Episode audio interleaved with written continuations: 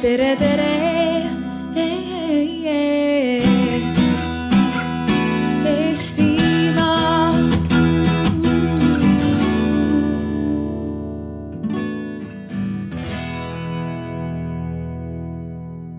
Tere tulemast eh, digitarkuse alale. Ehm, me alustame siin eh, järgmise pooleteist tunni sees eh, sellist diskussiooni teemal, kust leida vaikust. ja nagu üks meie esineja juba ütles, et põhimõtteliselt kõrvatroppe müüakse seal kaugemal, nii et aitäh, et te tulite.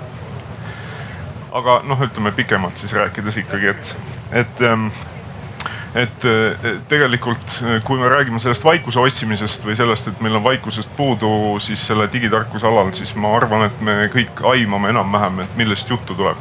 Eh, nendest segajatest, toredatest segajatest, mis meil taskus on ja sellest elumuutusest, mida selline digitaalne müra meie ellu on tekitanud ja, ja sellest siis, kuidas me sellega hakkama saame või ei saa.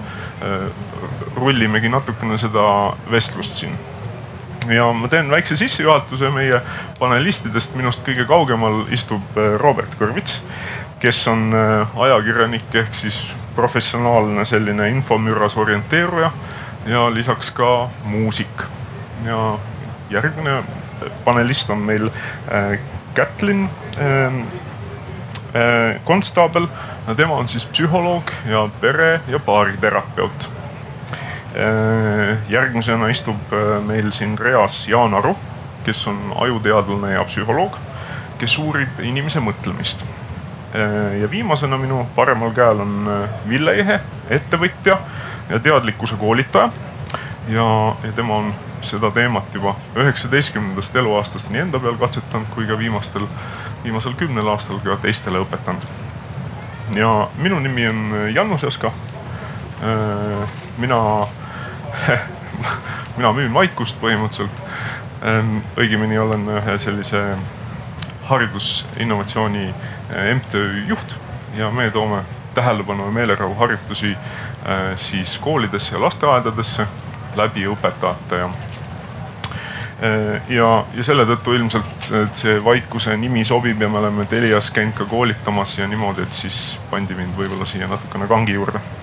aga äh, avaringiks ma sooviksingi äh, äh, nagu selgitada seda, et noh, et meil läheb sisuliseks diskussiooniks kohe-kohe, et tahaks küsida, et, et milline on teie enda isiklik kokkupuude selle nagu nii-öelda vaikuse, müra ja ütleme, lähme siis kohe asja juurde, et nagu seoses nutiseadmetega. me oleme siin digitarkuse alal, et ähm, niimoodi vabalt popkorni meetodil, kellel tuleb kohe selline vastus oma elus tegevustes, elus ja tegevustes, kuidas te kokku puutute? kui Jaan siin pakkus, et daamid, siis ma täielikult mitte daamina, aga, aga saaksin kohe tuua tänase näite isikliku kogemuse, sest ma olen täna unustanud kaks korda oma telefoni maha laadima kohta, kus, kus meie pere ööbib. nii et äh, tunne, mismoodi on olla selles vaikuses, et keegi ei saa sinuga ühendust, kes võib-olla peaks tahtma oma pereliikmed ja, ja leppida sellega, et okei okay,, nad on elus, mina olen elus, nendega on kõik okei okay,, midagi hullu ei juhtu. selles vaikuses, kus oluline kõige lähedasematelt inimestelt tulev info on just nagu puudu, on väga värskelt olemas, aga täitsa okei okay,, sest nad liiguvad siin ringi. kõigiga meiega on hästi. ei olegi väga hull. okei okay., järgmine mina olen teadlane ja vaikus on minu jaoks kõige tähtsam selleks, et ma saaksin oma mõtteid liigutada õiges suunas just sinna, kus ma tahan minna. aga vahel on natuke vaja müra ka, nii et ma olen viimased aastad otsinud just seda õiget müra ja vaikuse tasakaalu. ja nutiseadmetesse suhtun ma nii, et kui ma hommikul tööle sõidan bussiga, siis ma vaatan, kuidas seal viiekümne aastased tädid mängivad mingit mängu terve tee. Eh, noored scroll ivad oma Instagramis või Facebookis ja siis ka päris väikestele antakse sinna kärusse see nutiseade kätte ja kuna ma olen ajuteadlane, siis ma mõtlen, et mis see on nende nutiseadmete juures, mis teda teeb nii mõnusaks sellele ajule. ja mind, ma küsin, et eh, mis nende ajudega juhtub. ja eelkõige mind huvitab see, et kas need lapsed, kes on päris väikesed, kas midagi jääb saamata, kas midagi jääb tulemata neist, kas neist võiks saada midagi, kelleks nad siis ei saa, kuna nad, neil on varakult kätte antud nutiseadmed? Mm,? ma jätkan siis niimoodi, et enda kogemus on selline, et äh, noh, sa ütlesid, et ma olen iga päev infomüras ja ma olen noh, üldse müras, info jätab eest ära, et, et, et müra mulle meeldib et aga müral on selline asi, et, et äh, müra mulle meeldib, kui ta on selline nagu orkestreeritud või, või, või, või koordineeritud, et, et äh, ja kontrollitud, et, et see on äh, väga mõnus. ja ma jõuan selle juurde natuke hiljem, aga, aga mis puudutab vaikust, siis ühe sellise, ma tegin saadet, telesaadet Radar ja siis esimesel hooajal ma tegin sellise eksperimendi, et on, on Lääneranna vallas on üks selline nõid elab, kellel on vana kartulikelder, mis on mitu meetrit maa all ja siis saab sinna minna peitu äh, täielikku pimedusse ja täielikku vaikusesse, siis ma olin seitse ööpäeva seal niimoodi, et, et ma ei kuulnud ei midagi rohkemat kui aeg-ajalt läbi mulla mingisugust äh, putukakrõbinat. nii et, et ma nagu tean väga palju enda arust nüüd tänu sellele, mis asi on nagu täielik vaikus ja, ja kuidas see erineb täie, täielikust mürast mm. -hmm. no minu jaoks on see ka hästi oluline teema, et homme kell üksteist istun lennuki peale, lähen nädalaks peaaegu samasugusesse kohta mm.. aga, aga noh, igapäevaselt ma olen hariduselt insener, et, et ma olen nii-öelda oma seda keskkonda disaininud juba ammust ajast ja ja need, kes minuga tihedalt suhtlevad, teavad seda, et, et mulle eriti helistada ei ole mõtet. Äh, pigem võib-olla kõige lähedasemad inimesed ainult, aga, ja see number pole ka kättesaadav, vaid pigem saata meil, et ma olen harjunud noh, ka seda vaikust või müra ma reguleerin sellega, et äh, ma ei ole kättesaadav mm. ja ma olen kättesaadav siis, kui ma seda ise tahan. ehk siis äh, ma juba Delfi ajal mäletan siin viisteist aastat, kaheksateist aastat tagasi ma saavutasin olukorra, kus äh, kus tööpäeval mu telefon ei helisenud, et see oligi mu eesmärk, et sellega võttis mitu aastat aega. et, et ma ise helistan, ma ise segan, tekitan teistele müra mm., nii-öelda sekkun, aga, aga mind ei segata. see noh, seal on oma tehnikad, mida teha, et ära võtta lihtsalt telefoni vastu, ära helista kohe tagasi. tehnika nimi on ülbus. jah, jah, aga kui sul on palju teha, siis see on nagu möödapääsmatu mõnes mõttes, aga, aga see on äh, nauditav et seal see, see, sa tead, et sul on nagu üks kanal, kui sa tahad, siis sa lähed sinna, mitte nii, et sul on mingi messenger'id ja SMS-id ja telefonikõned ja siis on meilid ja siis need Facebookid ja, ja siis veel inimesed tülitavad kogu aeg, et tuleb sihuke kuri nägu teha, nagu paljud teevad, mul on enamasti ees, siis ei tule keegi rääkima ka juttu. siis saad nagu rahulikult elada. nii, nii et te näete siin juba, et noh, tavaliselt tehakse selle ähm, arutelu lõpuks mingisuguseid soovitusi, aga me anname kohe praegu ja, siin kõigi poolt. inimesed kirjutavad üles. võtke samamoodi see asi ette endale, et ma arvan, et me kõik soovitame seda, et te ei pea olema kogu aeg kättesaadavad. Te ei pea kogu aeg vastama. kuri nägu töötab, näete juba ja, ma, ma, ja soeng ka, vaata ütlesid soeng. ma lisaks natuke teistsuguse soengu poole pealt, et tegelikult äh, kurja näo juurde või selle asemele võib ka mõelda välja hea loogilise seletuse. mina olen välja mõelnud selle seletuse, et vabandust, kui mul on kliendid päeval, siis noh ma ei saa võtta telefoni vastu, mu kliendile see ei meeldiks, kellelegi ei meeldiks, kui tema räägib oma isiklikest asjadest, oma muredest ja siis vahepeal psühholoog teeb kõike muud ka. et tuleb mõnda hea seletus välja, mida ise ka usute, et. aga minu meelest, kas ei ole mitte niimoodi, et inimesed tänapäeval enam ei pahanda sellepärast, et ei võeta telefoni vastu, sest et selline ülelaskmise meeleolu valdab meid kõiki ja me kõik oleme aeg-ajalt niimoodi, oh et äh, noh, me teeme kõik seda, see on väga inimlik. kas teevad kõik seda, käed püsti, kes teevad seda? oh, siis on väga hästi. No,, teil pole midagi õppida siin. normaalne.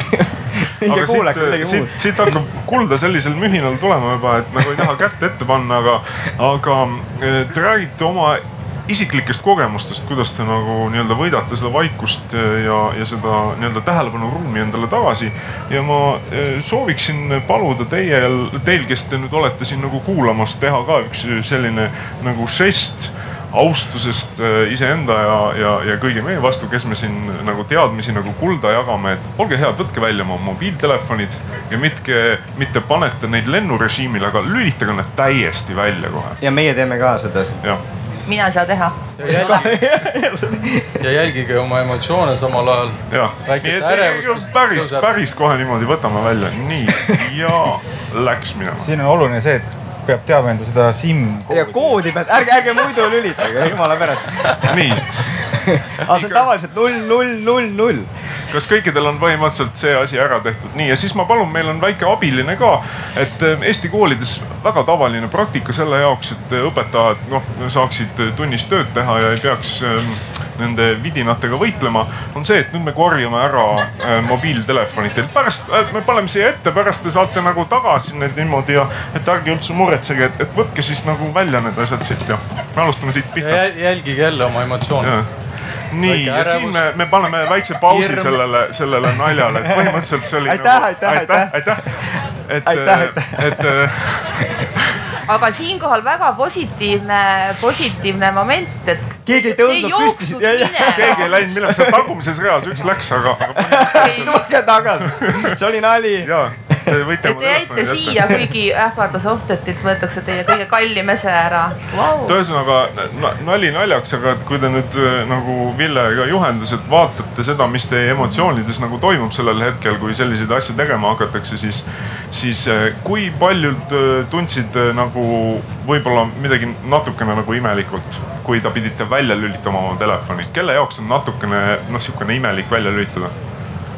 okei okay., no ütleme pooled inimesed kes nagu noh, te ei pea tegelikult kätt tõstma, aga te võiksite, kellel väike selline ärevus tekkis, kui nagu päris, päriselt hakkas kast ringi käima, et kas kellelgi rohkem käsi tõuseb praegu? no vot, niimoodi me oleme nende, nende toredate vidinatega seotud, et, et sihuke tunne nagu võetakse lemmikloom käest ära, eks ju.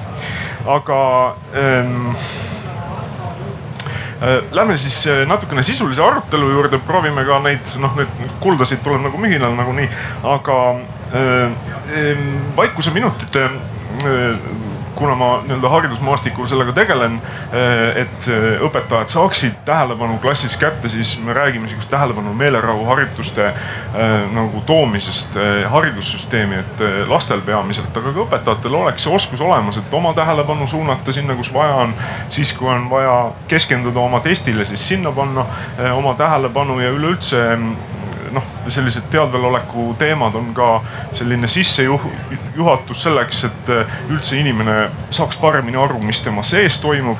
ja, ja sellega seoses oleme me ise nagu rääkinud sellisest teemast nagu ähm, võib-olla sihukene vaimne hügieen et see on nagu natuke pretensioonikad kaks sõna, aga, aga noh, kui, kui, kui te teate seda nagu hügieeni ajalugu, seda, kuidas alles tegelikult äh, vist kaheksakümnendatel, eelmise sajandi kaheksakümnendatel aastatel ratifitseeriti ka ÜRO poolt see, et kõik ikkagi peaksid käsi pesema. ennem seda on mitmesaja aastane selline nagu pikk nagu saba, et kui kaua võttis aega teadlastel, et öelda, et kuulge, et nagu haiglas siis, kui te tulete surnukuurist ja lähete sünnitust vastu võtma, siis nagu võiks oma käed ära pesta, eks ju. et see nagu sada aastat oli, keegi ei uskunud, et selline asi teema on. ja, ja, ja praegu me nagu näeme või nagu mõtleme samal, samas laines, et nagu elu on muutunud, needsamad vidinad äh, on meie ellu tulnud ja, ja see nagu ärevus on täiesti käega katsutav. Te ise näitasite seda, et, et äkki noh, et me peaks midagi nagu uut endale, uut hügieeni juurutama või noh, midagi sellist, et, et kuidas ma küsiksin nagu teadlase vaadet sellele teemale, et on see, kas meil on mingitest oskustest tänapäeval nagu puudu, et, et on nüüd tehnika kuskile meid äh, triivinud kuskile kaugemale ja nüüd me nagu hulbime seal sellisest nagu tähelepanu tõmbavate objektide vahel ja ei saa väga hästi hakkama või siis tegelikult pole üldse mingit probleemi. Ja. nii ja naa, et eks oleneb natukene inimesest ja kõik need asjad, mida me räägime, natuke olenevad inimesest. et võib väga laias laastus öelda ja ma ei ütle, et see on õige, aga et, aga et on inimesed, kes suudavad neid masinaid kontrollida ja kasutada neid, et oma tööd paremini teha, et edukamad olla ja on osa inimesi, keda need masinad siis kontrollivad ja me teame seda psühholoogiateadusest, et igal, igas asjas on niimoodi, et inimesed on erinevad. ja keskkond, üks, mis ühele inimesele ei, ei tekita mingisuguseid probleeme, võib teisel inimesel äh, midagi, mingid äh, mured äh, esile tuua. ja lühidalt võiks veel öelda seda, et selge on see, et ega meie aju ei ole loodud sellise keskkonna jaoks, nagu me, kus me praegu oleme, eks. meie aju on kujunenud sadade miljonite aastate jooksul hoopis teiste probleemide jaoks, see ei ole kunagi mõeldud selleks, et meil on nii palju erinevat uudsust ja infovoogu igal pool. nii et on mõistetav, et see võib mõnele ajule olla väga raske mm. -hmm. Um, tahaks küsida nagu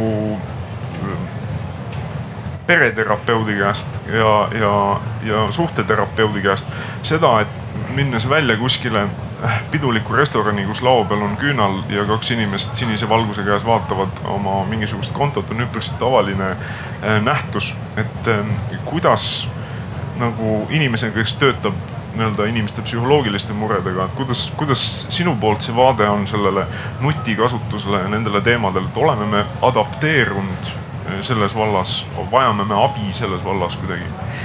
no kui sa tõid siin teemaks kaks inimest, siis äh, sa viitad vist paarisuhtele, eks? no ja. näiteks. et äh, minu meelest siin on adapteerumine toimumas väga kummalisel moel ja siin on põnev küsimus, et mis on paarisuhte siht ehk siis tegelikult on tekkinud väga huvitavad suhtevormid, on ka eraldi täiesti palju inimesi, kes ütlevad, et nende jaoks kübersuhe ongi okei okay,, et seal saab tegelikult väga suurt lähedust saavutada. tõsi, mitte päris uusi eestlasi ega muumaalasi tekitada. Äh, ka kõige põnevate noh, vidinate abil ei saa nii kaugele aga et väga põnevad uued suhtevormid on nüüd küsimus on tegelikult ju selles, kas see annab inimestele selle läheduse selle õige kontakti, et see inimene, see teine on minu jaoks olemas. ma saan temaga kõigest rääkida või on kusagil mingi teema, sest mida mina olen oma töös terapeudina päris palju kohanud, on see, et ähm, et ikkagi ei julgeta päriselus tihti päriselus laivis näost näkku rääkida asju, mida julgetakse rääkida ja ka teha küberruumis mm ja see on päris, äh, päris tõsine teema väga paljude paaride juures. Noh, kuni selleni välja, et näiteks pereinimesed otsustavad, et me laste nähes ei tülitse, nad tülitsevad ainult virtuaalruumis, chat'is ja noh, arvake ära, kas lapsed saavad aru, et midagi on väga korrast ära, muidugi saavad, aga mis nad ei saa kunagi aru. või siis see, et kuidas äh, noh autoga sõites äh, samal ajal tekstitakse väga konfliktseid sõnumeid, noh, ma olen tõeliselt öelnud, et ma pean teile kutsuma politsei, ma ei saa teid niimoodi välja lasta, kui te hakkate chat ima üksteisele, jubedusi ja seesama asi, et äh, paarid lähevad välja, ilus romantiline värk kõik ja tegelikult siis äh, oodates tellitud sööki, nad veedavad aega kuidas chat ides, suheldes teistega, ehk siis noh, mina olen küsinud provotseerivaid küsimusi, et noh, palju teid seal laua ümber on või siis ka palju teid magamistoas on, kui enne või pärast magama minekut ikkagi vaadatakse ka oma telefon korralikult üle mm. -hmm. kas on kaks inimest või on rohkem, terve maailm et ma arvan, et see on väga tõsine teema ja ma arvan, et see on üks koht, kus väga vaikuses omaette peaks teadlikult järele mõtlema oma kõige olulisemate suhete üle mm.. Robert, sina oled, sa oled kahe väiksema lapse. kahe väikse, üks on täitsa väike, magab seal kärus, siis seal kõrval on kümneaastane ja kaheksateistaastane on tööl.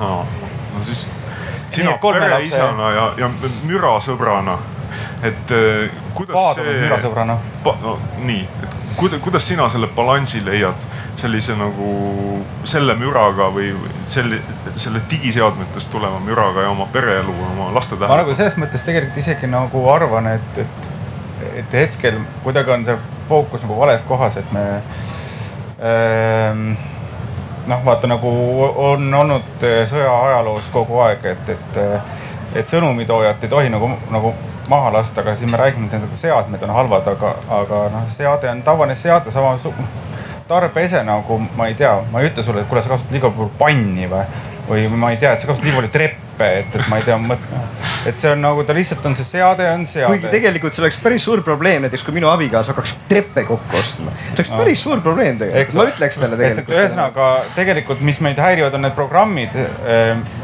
ja need programmid ju me noh, me kõik siis kasutame võib-olla mingi ühe käe sõrmedel neid programme, mis saavad tegelikult lõviosa meie tähelepanust. Need programmid, noh, eelkõige siis on suhtlus, siis mingisugused keskkonnad, need teevad iga nädal update'i, seal tuleb iga nädal uus mingisugune update ja selle eesmärk on see, et meid hoida veel kauem seal kinni. nähakse nagu kohutavalt vaeva, et et me siin nagu räägime nagu seadmetest, see seade on lihtsalt tegelikult nagu teisejärguline, me peaksime -hmm. nagu seadmetest mööda hiilima ja minema kuidagi kambaka tegema nendele tüüpidele, kes programmeerivad neid programme, mis programmeerivad meid nagu rohkem neid kasutama. aga ma, ma. aga ma ei vastanud küsimusele muidugi, kuidas ma leian balansi, ma ei pea mingit balanssi nagu leidma, balanssi nagu leiab selle ise, et, et et, et selle nagu selle infomüra või noh, müra kui selline minu meelest on nagu, ta on lõppkokkuvõttes, ma rääkisin sellest, vaata, et ma olin seitse ööpäeva olin nagu pimeduses üksi seal maa all ja selline täi-, täiuslik või täielik ähm, vaikus lõpuks nagu minu meelest nagu teenib sama eesmärki nagu täielik müra, kui ma lähen nagu kontserdile, kus on sada kakskümmend detsibelli ja ma ja tarbin seda kontserdit, äh, ma ei tea, mitu tundi järjest või, või et siis või mõtle, et mingi tehnopeole, sa paned ööpäev jutti on ju seal niimoodi, et on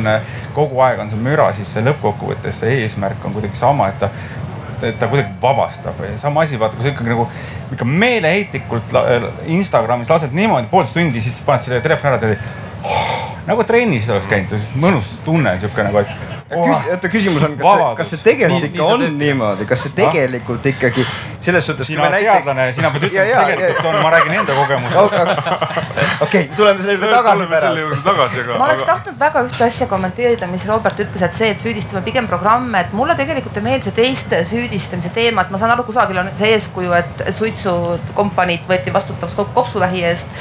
ja et tegelikult Silicon Valley's need arutelud ju käivad, et noh, neid mhm. disainitakse tõesti väga kasutajasõbralikeks ehk nii tahaks tagasi pöörduda, aga tegelikult oleme meie ju need, kuidas me kasutame neid treppe, panne, programme, kas me kasutame, millist kasutame, millal mm. -hmm. no ma tõin kusagil teises kohas paralleeli noaga, et nuga võib olla väga kasulik asi köögis lapsele, väikelapsele anda pole mõistlik mõte, inimesi saab ka palju tappa. et äh, tegelikult on küsimus, kuidas me kasutame ja kas no, ja mis puhul. ma, ma, ma olen ka sada protsenti nõus, et ma ei teeks, ma olen Robertiga nõus, et seadmed ei ole süüdi, aga ei ole sinuga nõus, et programmeerijad on süüdi, et äh, niikaua, kuni me ise vaadates peeglisse, kui me ise oleme sellised lambad, kes laseme ennast nagu niimoodi, kas siis otseselt või ümber nurga ära kavaldada. niikaua pole mitte mingit lootust, seepärast et ükskõik, kuidas me keeldude või barjääridega neid äh, rünnakuid äh, tagasi tõrjume, kuskilt nad saavad ikka sisse, et ainuke lõplik lahendus on see, et inimesed ise peavad ärkama ehk, eh, ehk sa pead ise oma selle kasutuse või siis oma mõtlemise, oma teadlikkuse ja tähelepanu lihtsalt harjutama selliseks, et sind lihtsalt ei saa ära tõmmata, et sind ei saa lolliks teha. ei ole võimalik, et sa lihtsalt jääd vaatama ja siis avastad, et tund on läinud, no ei ole võimalik, kui sa oled harjutanud et mina soovitaks seda teha. see on sama jutt, et nagu, et iga päev me nagu loeme, et, et jälle mingid inimesed läinud Nigeeria mingi selle kirja ohvriks, mõtleme, no ei ole võimalik, noh. inimesed olid lambad, on lambad ja jäävad lammasteks. aga ometi äh, sa ei ole ju Nigeeria kirja ohvriks sattunud kas sa ütled, kui see oleks? aga ta scroll ib poolteist tundi Instagrami, nii et. ei, mul tegelikult, mul ei, mul ei olegi aga ma tahtsin, Ville, sinu käest küsida, sina tegeled äh, selle äh, teadlikkuse koolitamisega ja, ja, ja kui siin olid näited selle kohta, et, et, et müra võib olla vabastav sama, samamoodi kui, kui vaikuses olemine on nagu vabastav. et, et kas sa oskad koolitajana öelda, et mis see asi on, millest ennast vabastama peaks siis kas müra või vaikuse puhul? et mis meil siis viga on, et me nagu, ma ei tea, hakkama ei saa või? no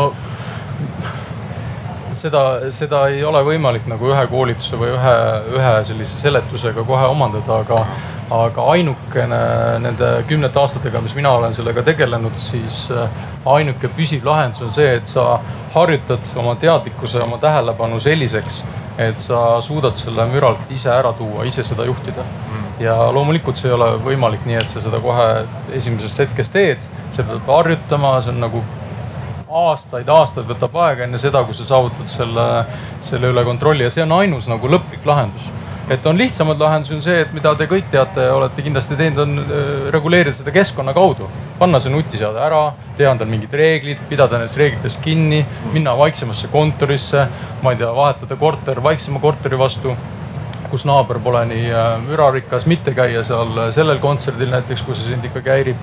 et, äh, et keskkonna kaudu ja enamus inimesi saavad sellega väga hästi hakkama, aga see ei ole püsiv, sest varem või hiljem tuleb ikkagi mingi, mingi muu asi ja nagu te teate kõik, siis sa võid olla täielikus vaikuses, vähemalt Robert teab seda. kui sa oled täielikus vaikuses, sa avastad ühe teise müraallika, mis on sinuga kaasas.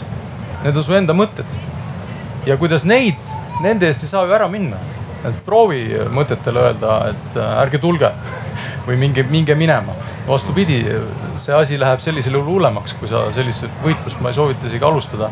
et, et selle nii-öelda kontrolli alla saamine, sisemise müra kontrolli alla saamine on veel keerulisem, aga on ka täiesti võimalik aga see vajab harjutamist ja kättevõtmist ja noh, see on täiesti normaalne, et, et enamus inimestele tundub see, kui nad on isegi kokku puutunud selliste sisemaailma harjutustega, siis see tundub väga keeruline. ja, ja enamus suudavad seda teha ainult keskkonna reguleerimise kaudu. aga kui me räägime ikkagi veel kord lõplikest lahendustest, siis, siis ma soovitan igal inimesel leida mingi oma selline viis, neid tehnikaid on Äh, vaikuseminutid, need on joogast, need on budistlikest traditsioonidest, need on muide isegi kristlikes traditsioonides olemas mm.. kuigi natukene võib-olla peidus, eks ju. Äh, enamus ristitud inimestel isegi ei ole ühtegi tehnikat, aga, aga nad on olemas tegelikult, et äh, otsige, uurige, proovige erinevaid ja leidke endale see, mis teile hästi töötab. sest ilma selleta varem või hiljem need programmeerijad või siis seadmed, eks ju, võtavad teie elu üle sest no tuletage meelde aeg, ma, ma jätaks ka selle nagu seadme korraks kõrvale, sest tegelikult äh, kui tulid äh, restoranidesse, pubidesse telekat, see oli mingi kaheksakümnendate lõpp, mäletate? Ja kui sa sattusid istuma niimoodi, et su sõber oli näoga teleka poole, siis kõik me panime tähele, et, et ta ei ole sinuga. piisas, et on üks liikuv ekraan tema vaateväljas kui ta enamasti vaatas sinna, mis iganes, ta, teda ei huvitanud see jalka või mis iganes sealt tuli. aga liikuv pilt tõmbas kohe tema tähelepanu ja aeg-ajalt ta pidi vaba, oot, oot, oot, mis sa ütlesid, mis sa ütlesid, ehk ta tegelikult ei olnud sinuga. ehk see nutiseade on lihtsalt veel võimsam samasugune tähelepanu nii-öelda magnet aga vot Jaan, tahaksin küsida ikkagi selle, siit, siit tuleb ikkagi mina kuulen ikkagi seda, et mingisugust nagu oskusi oleks vaja arendada, tähelepanu ja meeleolu harjutused näiteks, vaikuseminutid, äh, sarnased asjad, et mis see, mida me nagu, mida meil sünnipäraselt puudu on, et selline keskkond praegu meid nagu kuidagi siis lihtsamalt nende vilkuvate piltidega suudab ära tõmmata oma, oma keskmest või oma, oma fookuspunktist. Et mis see, mis see olukord on ja kuidas seda teadlase poole pealt siis lahendada võib? mõnes mõttes me, meil ei ole nagu puudu midagi meie ajus selles suhtes, et äh, meie aju on loodud selleks, et äh, kiiresti leida seda, mis on uus ja huvitav, see hästi meelde jätta. seetõttu ajus on see, et kui te midagi uut näete, uut kogete, siis see on aju jaoks mõnus.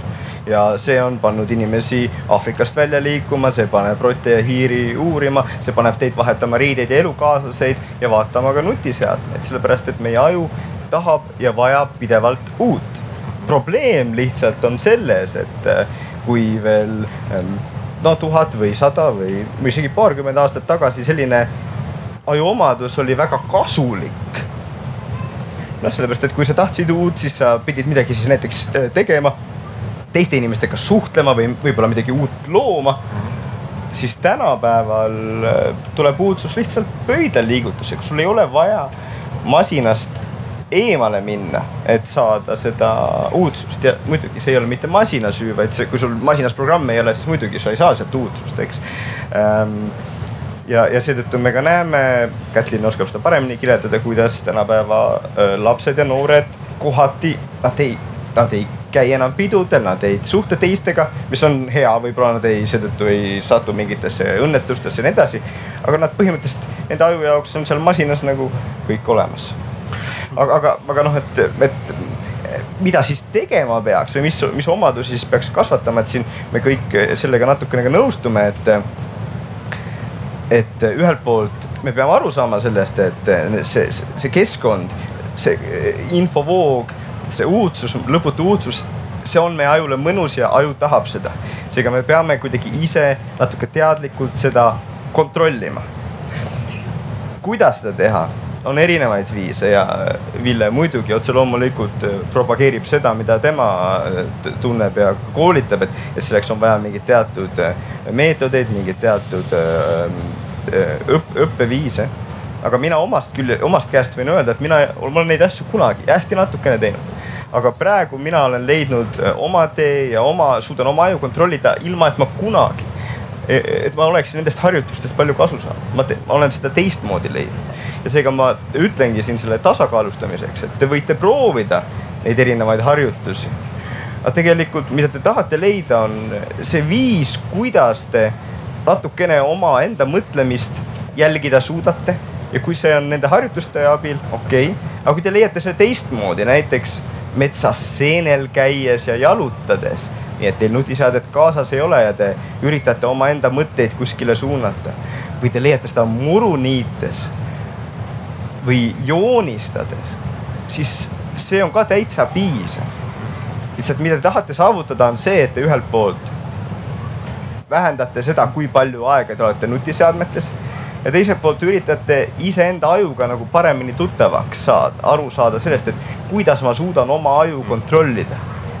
ja niimoodi samm-sammu haaval siis see ka läheb paremaks, sa ei nõustu? tähendab, ma ei saa üldse aru, mis probleemi me siin lahendame ei no, ei no täitsa ausalt, selles mõttes, et kas noh, sina oled nagu teadlane, ütled, kas see, et inimesed siis kasutavad mingisuguseid seadmeid, et see on nagu ju, see on kuskil nagu kirjas, uuritud, et see on nagu tõsiselt nagu suur probleem mille, mille nagu kütkes kogu inimkond on ja kui see nii edasi läheb, siis we are doomed. vaata, siin on väga oluline punkt ähm, ja, ja tihti ma satun sellesse diskussiooni just ähm, meievanuste inimestega, sellepärast et kui vana sa oled, vabandust? No umbes, umbes kolmkümmend viis kuni kuuskümmend umbes. kolmkümmend üheksa. et, et, et, et meiesugustel inimestel tegelikult me, me kohati ei saagi aru sellest probleemist sellepärast, et meie ajusid need asjad nii väga ei mõjuta. meie jaoks need programmid ei Aga ole nii tähtsad.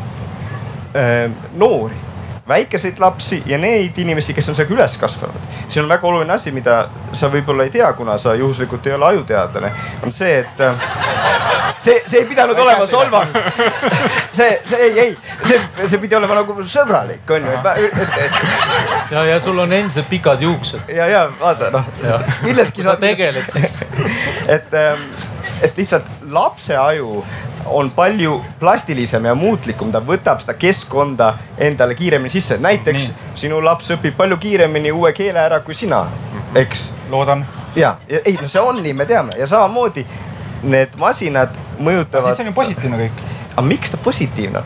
inimene õpib keele ära keele õppimine on väga positiivne, väga positiivne ja nüüd näiteks okay, võime, võime, me võime. kaasneb mingi yeah., mingi jama ka, no. ei, ei, ei ma mõtlesin keele. keelt kümme aastat ke. ma mõtlesin keele. ainult jama saingi, keelt ei saanud suhu. ma mõtlesin ja... keele õppimist nagu ilma nutiseadmeteta, me võime, me noh, seda saab ka. kui, kui on, sobib härra Semester, siis ma viskaksin äh, nii-öelda äh, siis äh, virtuaalse sellise rätiku siia, et, et. ega meil ei ole rätikut. Lähme, lähme nagu isiklikumaks, räägime lastest, sellepärast et äh, siin juba kahest-kolmest sai räägitud, aga, aga see, millele nagu viide oli siin äh, nende noorte, kõigepealt see, kuidas aju kasvab ja kuidas aju areneb teatav teatavates vanustes on oluline, et aju areneb kuskile poole võib-olla rohkem ja, ja tähelepanu nõudvad seadmed võtavad seda nagu võib-olla aju ressurssi ära sellest kohast, kus ta peaks arenema. aga äh, viimase EU Kids Online uuringute kohaselt on niimoodi, et küll väga väikeste protsendipunktidega,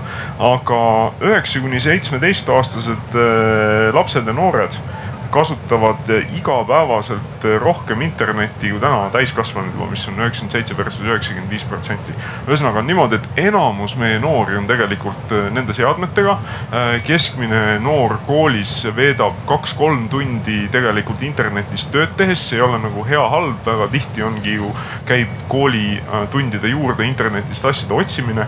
aga mis on nagu selliseks nagu huvitavamaks võib-olla sellel teemal läinud üks ka üks doktoritöö mis just vaatas, siis eh, kuni kolmeaastaste siis nagu need on vist imikud juba tehniliselt. Nende sihukest nagu ekraanikasutust ja, ja seal on, on, on see koht, kus noh, kui me täiskasvanutele rääkides sellest, et kas me valime endale keskkonnamuutuse, kas me valime endale mingisugused äh, näiteks tähelepanulihase treenimise või muud mingid meetodid, siis lapsed ja noored on ju tegelikult noh, selles kohas, kus nad sõltuvad sellest perekonnast, keskkonnast, oma vanematest. et, et võib-olla nagu vaataks nagu seda teemat, et kui me nagu saame kas müra või vaikusega ise täiskasvanud hakkama. kas siis... ühte numbrit tohib küsida, vabandust, et, et, et palju siis lapsed ja noored eh, veedavad nagu nii-öelda seda mõttetut aega eh, siis eh, internetis, kas see on ka kuskil kirjas sul või? sa ütlesid, et palju, kaks-kolm tundi teevad tööd, no fantastiline. koolipäeva ajal, see ei ole tegelikult siin, ma ei lugenud sellest sellest uuringust välja seda nagu noh, mõtestatud sisu. küll aga võib öelda, et, et siin on tegevuste kaudu on kaheksakümmend protsenti on meelelahutus, kuuskümmend üheksa protsenti muusika, online mängud nelikümmend üks protsenti ja sinna allapoole jääb igasugune suhtluse muu. et noh, kui sa vaatad, et mis selle asja sisu on, siis ta on ikkagi nagu meelelahutusega seotud, ehk siis mitte nagu ilmtingimata mingi õpiteema no,. ma mõtlen seda näiteks, et, et, et äh, olles servapidi siin äh, kursis äh, Eesti inim-, keskmise Eesti inimese meediatarbimisega mm. -hmm. endiselt üle nelja tunni on Eesti keskmine inimene vaatab päevast telekat, noh mm. -hmm. et selles mõttes, et, et, et kas, kas see on siis nagu, kas see on nagu no, nii palju siis suurem või, või vähem ja kas see on siis, anname siis hinnanguid, kas on siis nagu halvem või, või, või parem või? aga see on olemuslikult teistsugune, sest telekat me vaatame ikkagi suht passiivselt, meie silmad on seal. kui me oleme netis, siis me scroll ime, saame ise otsustada, mida me teeme, me saame tohutult palju valikuid ise langetada, mis ei ole ainult kanali valik, vaid me saame ise mõjutada seda, mida me teeme, on see siis suhtlemine, on see noh, kes mängib midagi, nii et see interaktiivsus on hoopis teistsugune, kuigi meil on väga moodsad telekad, eks ole, aga see ei ole see, et kui näiteks uuritud mõju unele siis äh, on leitud, et, äh, et need, kes vaatavad telekat enda und versus need, kes vaatavad oma nutiseadet, siis teleka vaatajad, jah, neil on uni ka häiritud, aga nutiseadme vaatajatel, noortel lastel on, on ka une sügavus palju kehvem, mis tegelikult on see nii-öelda kosutav uni, nii et mitte ainult see une tundide arv ei hakka mõjutama, nii et siin on tegelikult vahe sees. Okay no.. mul on ka kolm last, et ma, mina oma laste pealt küll näen, ma ei saaks öelda, et ma nüüd kardaks seda, aga, aga selgelt noh, nad kõik kolm on need, kes noh, ma olen enamus teilt on ka juhtunud, et äh, lähevad siis enne rääkima õppimist, läheb suure ekraani juurde, püüab nagu kätega seda telekat nagu pilti vahetada, eks ju.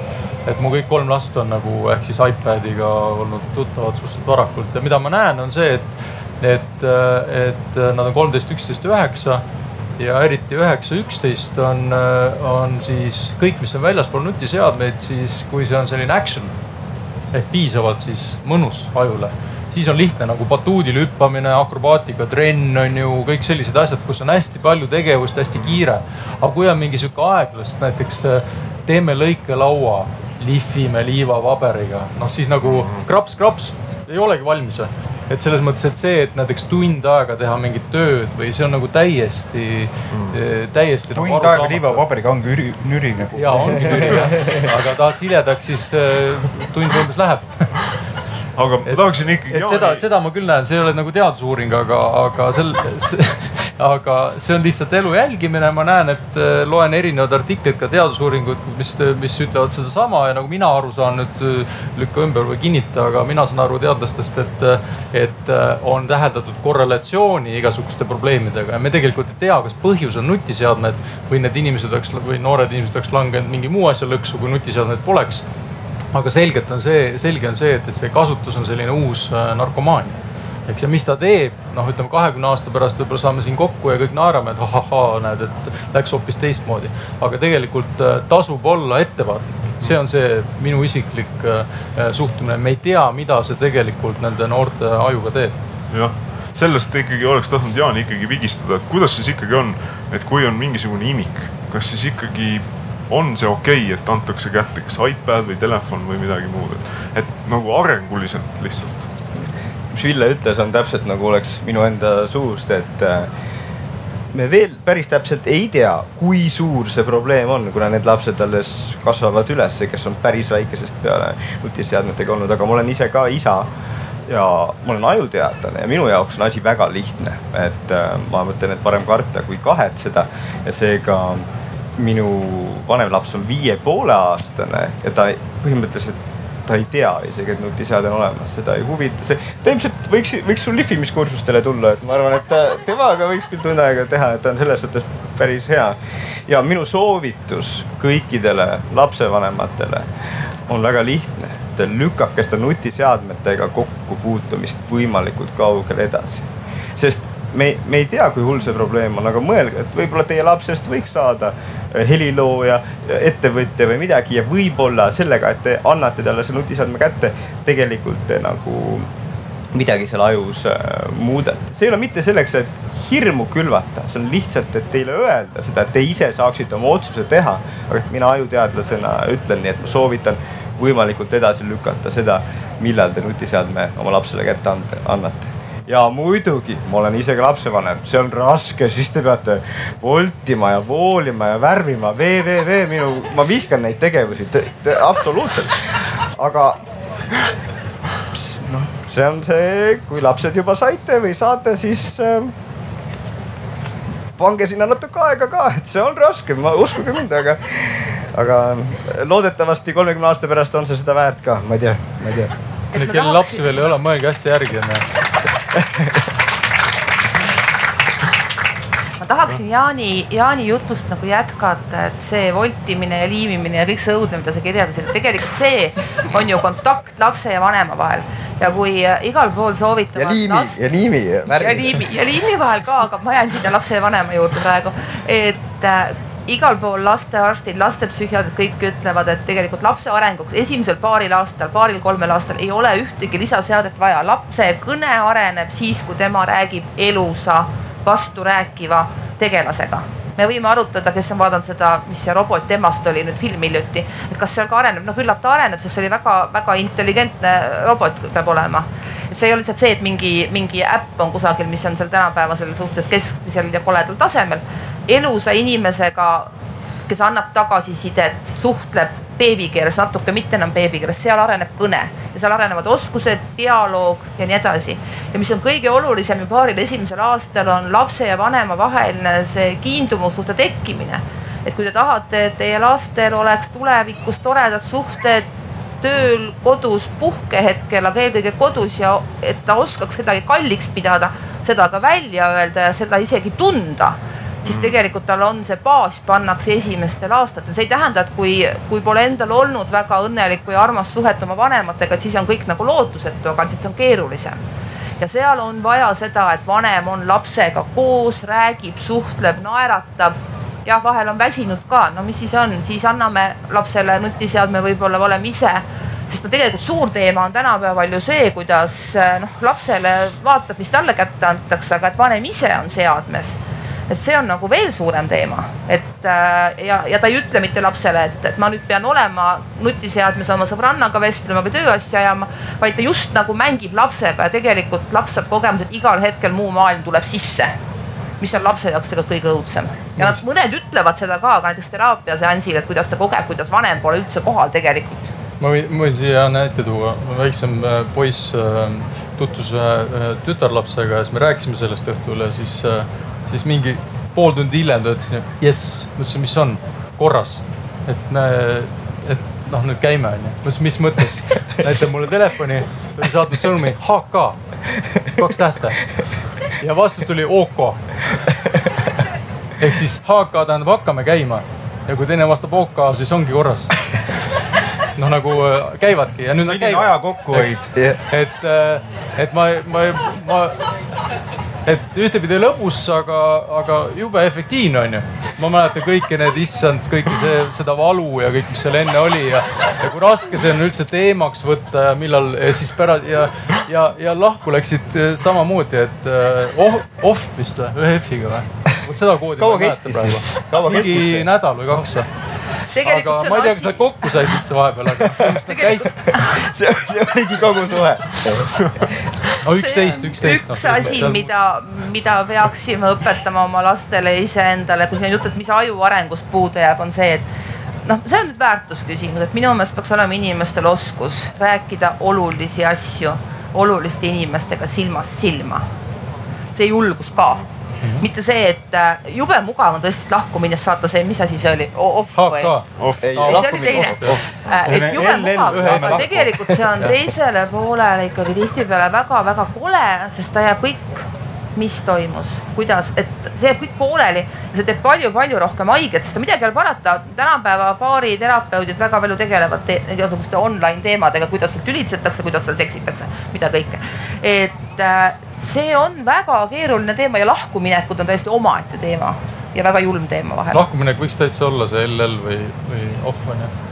Ma tahtsin äh, sellist äh, teemat tuua, siin käis, käis läbi needsamad need suhte, suhteteemad Ehm, üks asi, mida, mida nii vähe, kui mina ajuteadusest tean, on see, et meie, meie empaatiavõimekus koos ajuga meie nagu otsmiku sagaras kõige, kõige nii-öelda viimases otsas kuni kahekümne viienda, kahekümne kuuenda eluaastani areneb välja.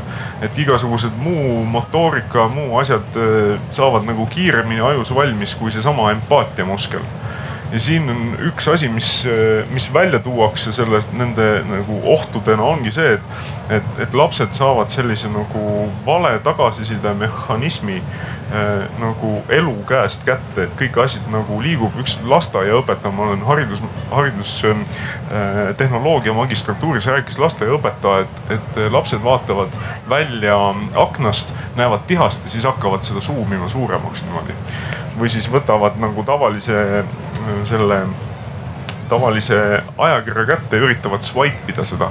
et nagu, et seda, et sa keerad lehte, et see asi on juba liiga keeruline.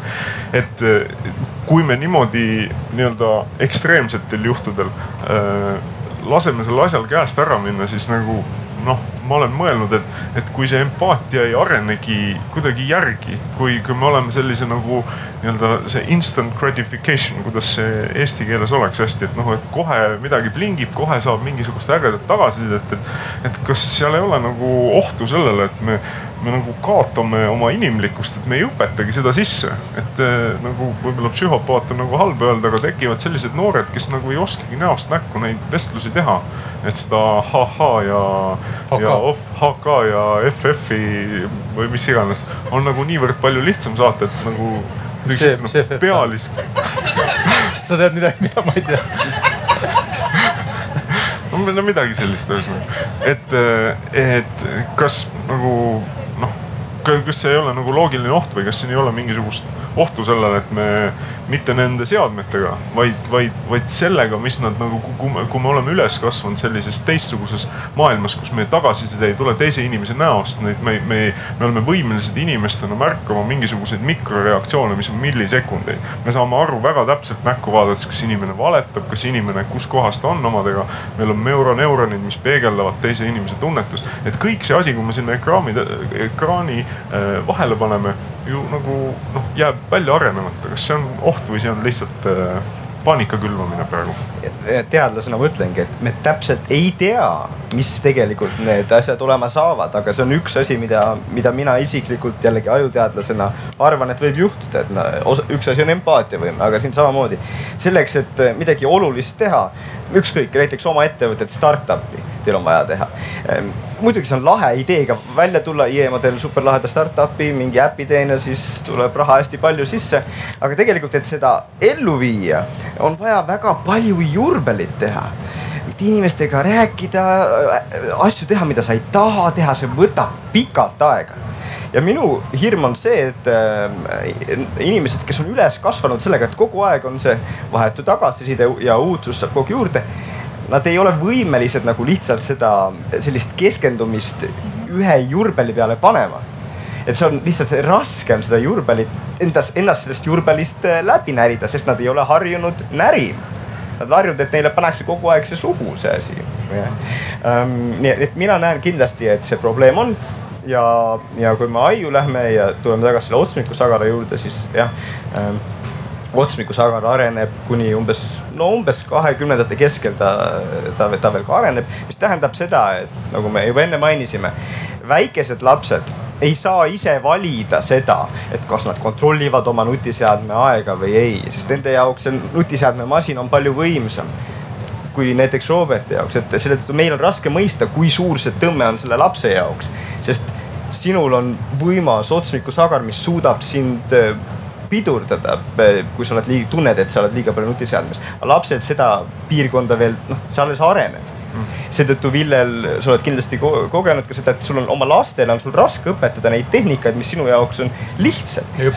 ja, ja et see on, et see on raske või võimatu, sest nende ajud lihtsalt ei suuda veel ennast niimoodi kontrollida mm. -hmm. nii, et äh, kõik see kokku võib viia selleni, et need lapsed, kes on üles kasvanud nutiseadmetega, nad ei ole võimelised äh, teatud asju enam tegema.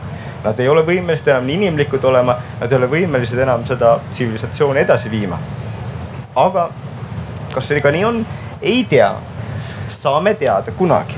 Tegelikult on ka selliseid eksperimente tehtud, kus on pandud seltskond noori, mitte lapsi, vaid siis kolledži noori äh, a la saarele laagrisse ilma nutiseadmeteta ja nende emotsioonitaju, klassikalised emotsioonitaju eksperimendid äh, piltidelt, nägudelt on paranenud. Võrreldes siis sellega, kui nad muidu saavad olla vabalt oma nutiseadmetes, nii et seda, seda on ka uuritud, seda saab ka uurida, seda saab ka tegelikult iseenda peal uurida. Sest äh, siin on juttu palju lastest, mina olen kohanud täiesti täiearvulisi inimesi, kes peavad ennast väga empaatiavõimeliseks, väga intelligentseteks ja on ka minu meelest.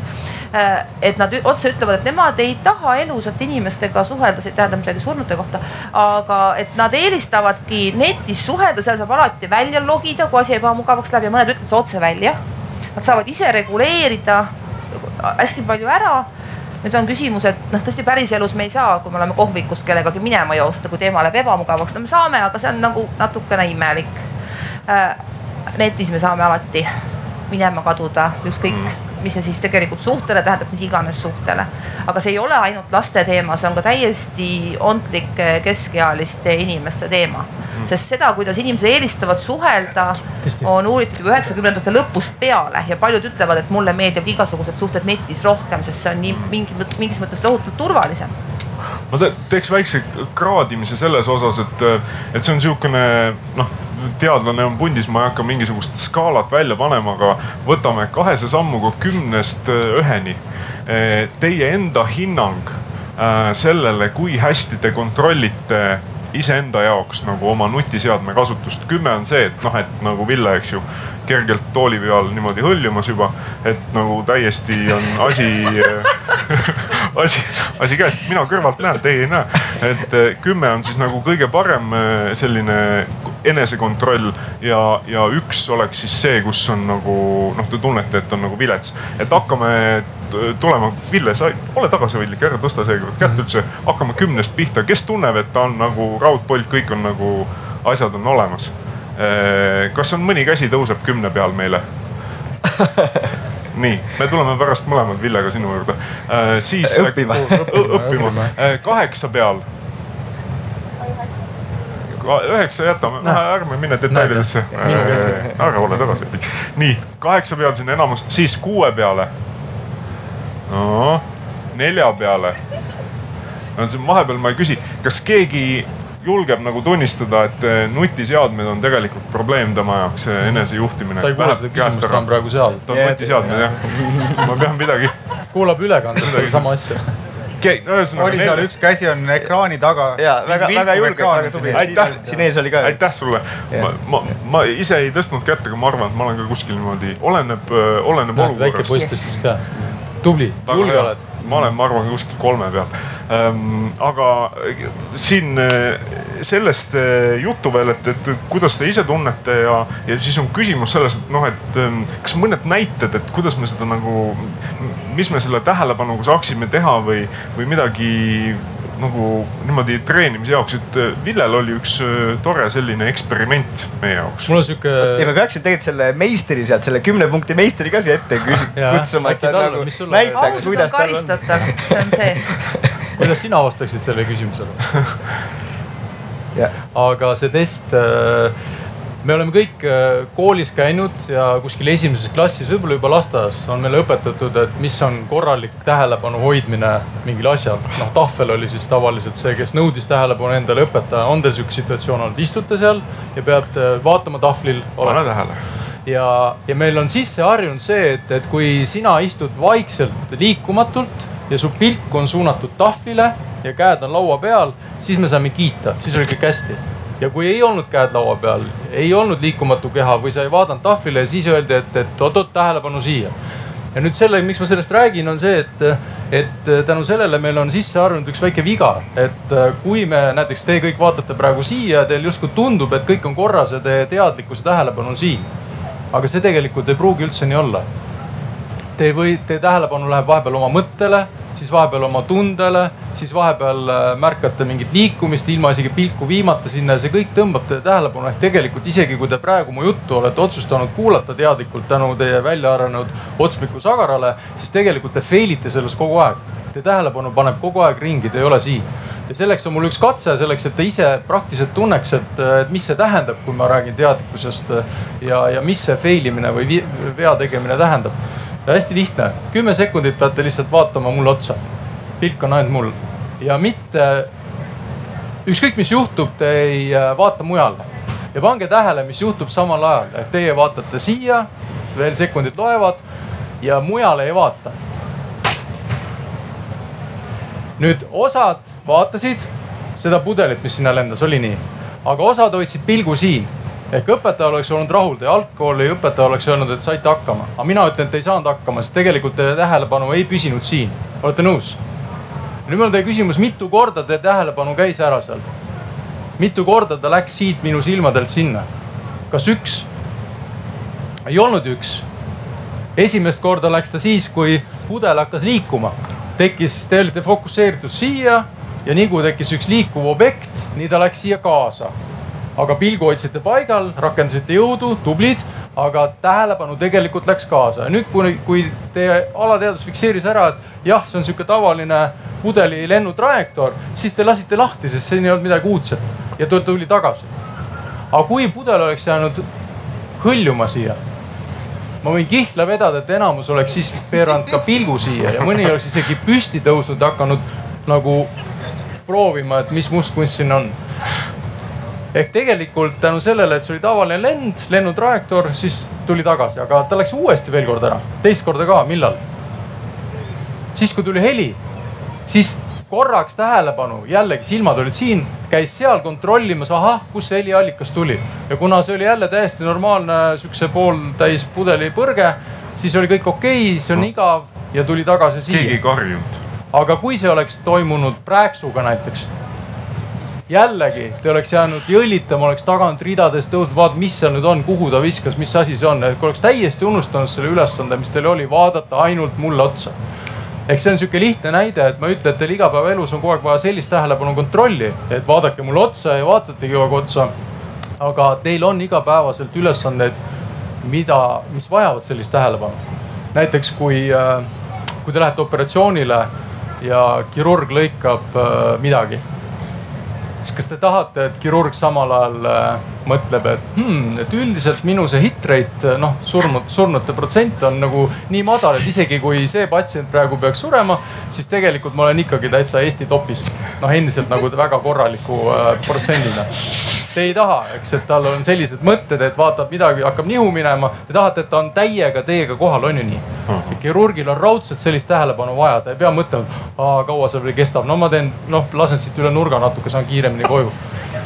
ehk siis ja see ei ole ainult kirurgiga nii, et iga, iga ameti puhul on sellist äh, fokusseeritud, sada protsenti fokusseeritud vaja va,, äh, tähendab vajadust. nii et, äh, et õppima peaks nii seda, kui teie tähelepanu on vaba, kus te märkate igat uut ja uudist, aga on olukordi, kus tuleks see tähelepanu võtta kontrolli all ja, ja see, see on see, mida mind insenerina on kogu aeg see huvitanud, et kuidas ma seda teen, millist jõudu rakendada ja seda on võimalik äh, õppida.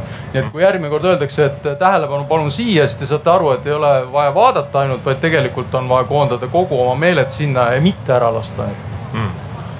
aitäh, Ville, selle, selle pudelikatse eest. mul on küsimus, et jälle siin nagu ajuteadlasele kõrvalt, et kui kas ja kui palju me seda tähelepanu suunamist ja selliseid nippe, seda lihast peaksime üldse nagu treenima või sihukese asjaga tegelema.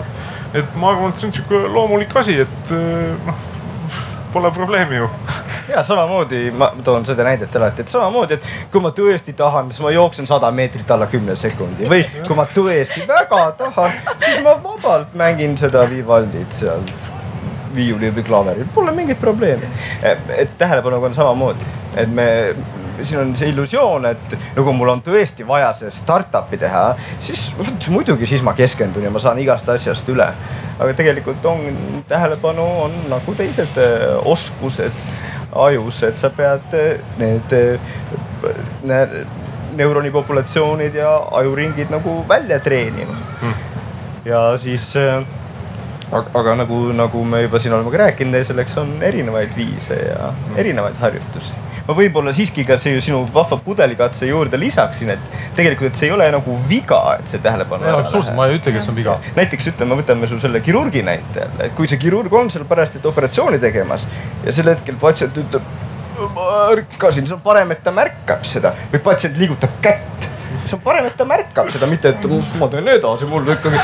ei no, ei no saad aru, see ei ole nagu naeruvääristamiseks. see on operatsiooni mõttes teine inimene. ja, ja, ja aga noh, ma ütlen, et selles suhtes või. see teeb niimoodi ja jälle kõik ja, ja aga, aga noh, et, et see on tegelikult ka meie ajusse nagu sisse kodeeritud, et liikuvad asjad mm., hääled, et need peavad meie tähelepanu tõmbama, sest see võib olla ohtlik olukord. ütleme, et ma olen teadlane metsas, üritan seal suurt ajuteaduse mõistatust lahendada. ma olen nii endaga seal, et ma ei märkagi, et karu on mu kõrval on ju, no see oleks ju, see oleks ajuteadlasel lõpp. Ja aga see ongi selle tähelepanu nagu koondumise laienemise küsimus, et noh, et, et on ju inimesed on erinevad, näiteks sa oled hästi keskendunud mingile asjale, siis mõni inimene, eks ju, ütled, no mis sa teed, puudutan sind isegi, sa korra viid tähelepanu mujale ja lähed kohe keskendud edasi, eks ju, peale seda, kui ma ütlen vabandust, vabandust, ma näen, sa oled keskendunud. mõni inimene ütleb, issand, miks ta sihukese häälega vabandust ütles, mis ta mõtles, aga miks ta tuli segama, tegelikult plaanis tulla segama. Ehk hakkab hoopis teise asjaga tegelema. Ja siis oot-oot-oot, mida ma tegema pean, aa seda.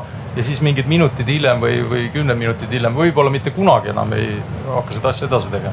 et see on nagu, e, e, et aju nagu märkab ise enda toimimist, et mina nimetan seda, ajuteadlased ka nimetavad seda nagu metamõtlemiseks, et mitte mõtlemine, vaid mõtlemisest mõtlemine, mõtle, enda mõtlemise jälgimine ja siis ka juhtimine ma võtaksin Roberti siia korra pilti, sina ajakirjanikuna, eks kogu aeg seikled seal sellises nagu avaruses, leiad mingit noh, siis nagu banaalset uudisväärtuslikku või nagu üritad eh, noh, nii-öelda kammid seal selles sellises toksilises äh, need.